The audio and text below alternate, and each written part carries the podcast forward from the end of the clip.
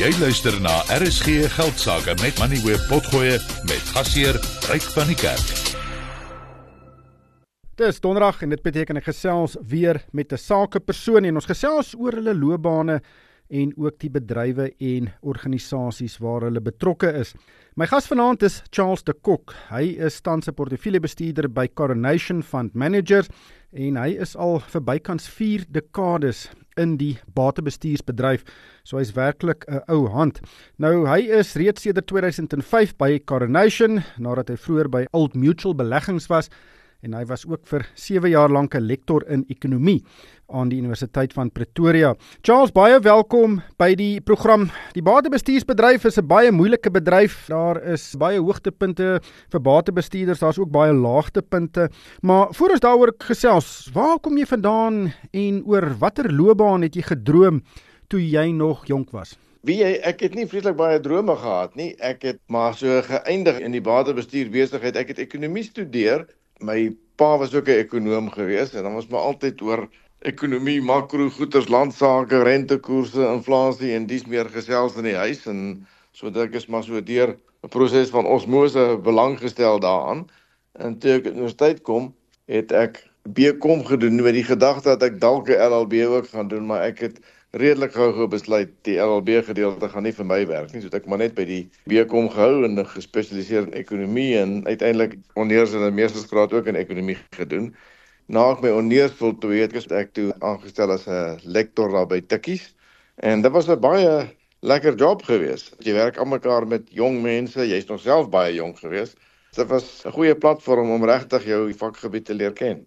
Charles, ek wil nou nie jou ouderdom weggee nie, maar hier in die 70, 80s en seker nog vroeg in die 90s was daar nog nie werklike gevestigde batebestuursbedryf nie. Daar was in daai tyd groot versekerings wat beleggings gedoen het. Daar was ook pensioenfonde, maar werklik nie groot effekte trust maatskappye en batebestuurders soos dit seker meer algemeen bekend staan nie. Daar was ook nie eers beleggingsbestuur kursusse nie. En 'n loopbaan as 'n batebestuurder was seker op bitter min mense se radar. Ek dink so. Toe ek gestudeer het op Tikkies het ek nie eens geweet daar was so beroep nie.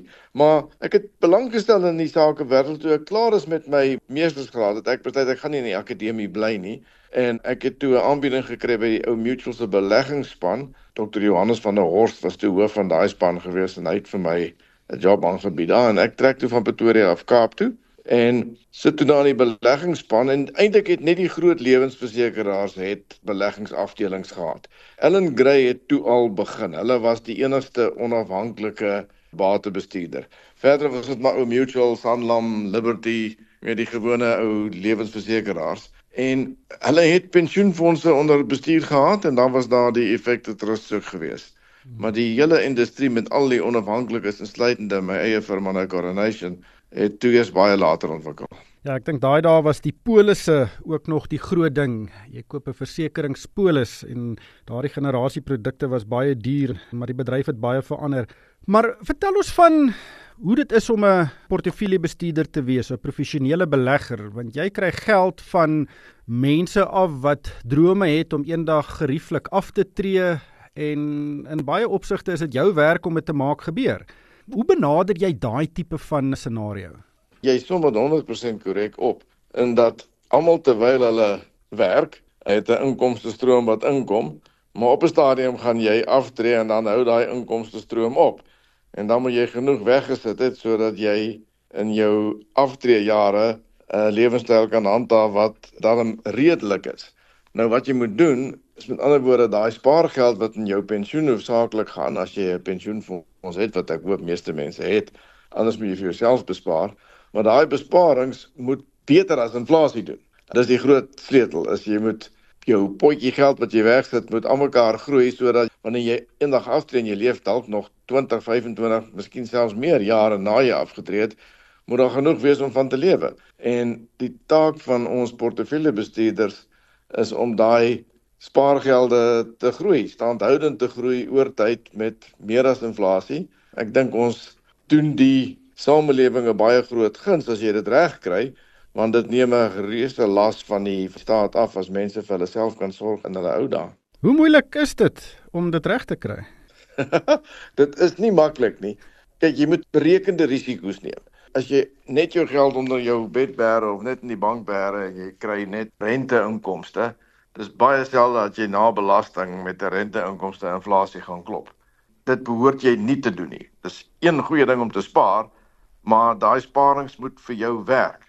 So jy moet sekere risiko's neem en dit beteken jy moet in onweetbare toekoms in belê.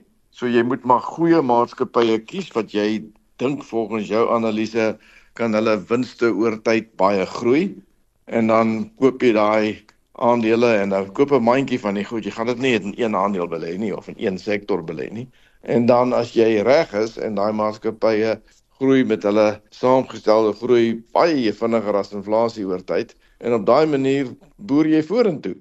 Maar dit vat tyd, jy het geduld nodig en jy moet die werk doen om die regte maatskappye te kies om in te belê en die verkeerdes te vermy want daar's maar altyd 'n paar wat langs die pad omval ook.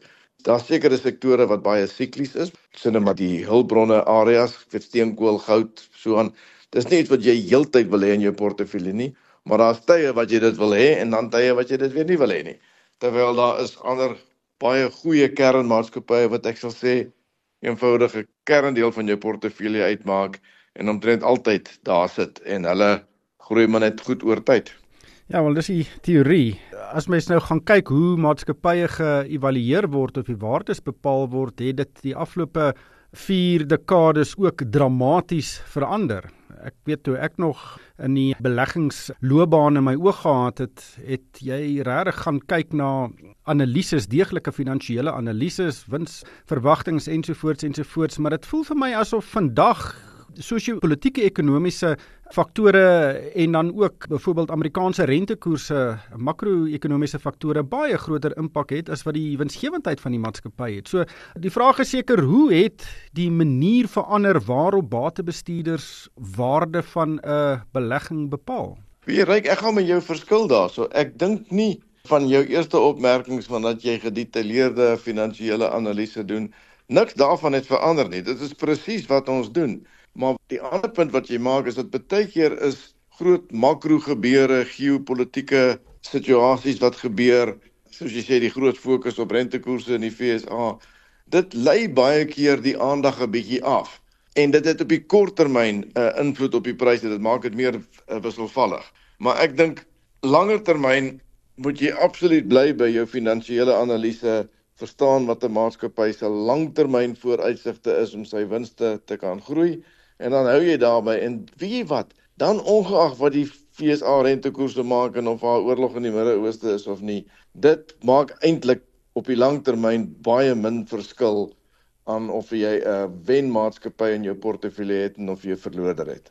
Ek dink mense fokus te veel op die nuus van die dag en probeer baie korttermyn besluite neem en ek dink dit is waar veral mense soos onsself wat op die lange termyn konsentreerde voordeel het want ons kyk net verby die korttermyn geraas. Ek weet baie batebestuurders natuurlik hulle kyk na daai syfers deur 'n baie baie sterk vergrootglas en ontleed dit, maar dit voel net vir my asof daar meer faktore deesdae relevant is wat in ag geneem moet word en ek dink dit is waar in vandag se bedryf sekere batebestuurders totaal en al ander benaderings het as ander batebestuurders en ek dink nie daar was sulke uiteenlopende benaderings 'n hele klompie dekades terug nie.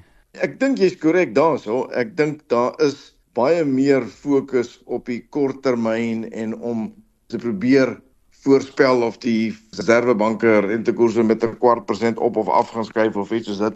En ek dink dis 'n stryk. Ek dink die korttermynbelegger val daarvoor en dink hy kan dit regkry terwyl die langtermynbelegger kyk verby dit en probeer werklik die waarde van die maatskappye waarin hy belê of die rentekoers van vaste draande beleggings of dit 'n redelike opbrengs bied of nie.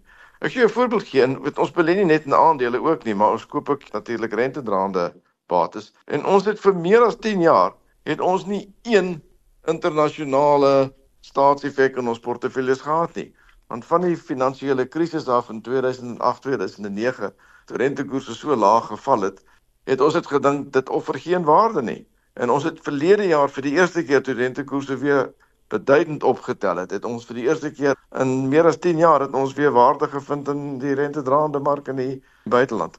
So op die korttermyn kon jy dalk hier en daar in en uit gegaan het en probeer geld maak het, maar ons het net gedink rentekoerse hierso by 1 en 2% lyk vir ons belaglik laag. Ons stel nie belang nie. Net laaste vraag oor die bedryf. Daar is meer as 500 batebestuurders in Suid-Afrika. Natuurlik is die grootes heel bo aan die lys. Ek het hulle ook vroeër genoem, maar daar's 'n sogenaamde nis en butiek batebestuurders. Is die Suid-Afrikaanse bedryf groot genoeg om hierdie groot aantal batebestuurders te regverdig? Daar is baie kleintjies. Ek weet nie hulle almal geld maak nie. Ek weet ons vir 'n fooi 'n persentasie van die bates onder bestuur en dit is die inkomste wat jy kry as jy baie min geld onder bestuur het, dan maak jy maar min geld.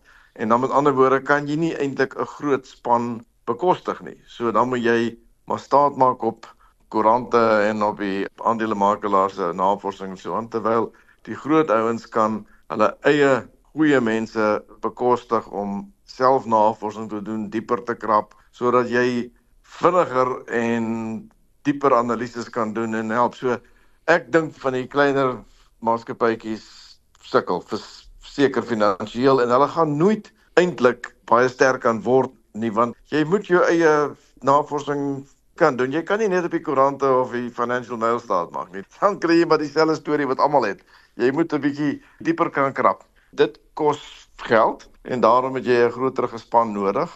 Eintlik is daar net 3 of 4 batebestuurders in hierdie land vir wie ek self geld gee opkomende van 'n batebestuurder is interessant. Maar net laastens, dis stresvol om in hierdie bedryf te werk. Ons het nou gisterand gehoor rentekoerse bly onveranderd. Kort daarna die Amerikaanse mark skerp geval omdat hulle nie gehou het van die vooruitsigte nie.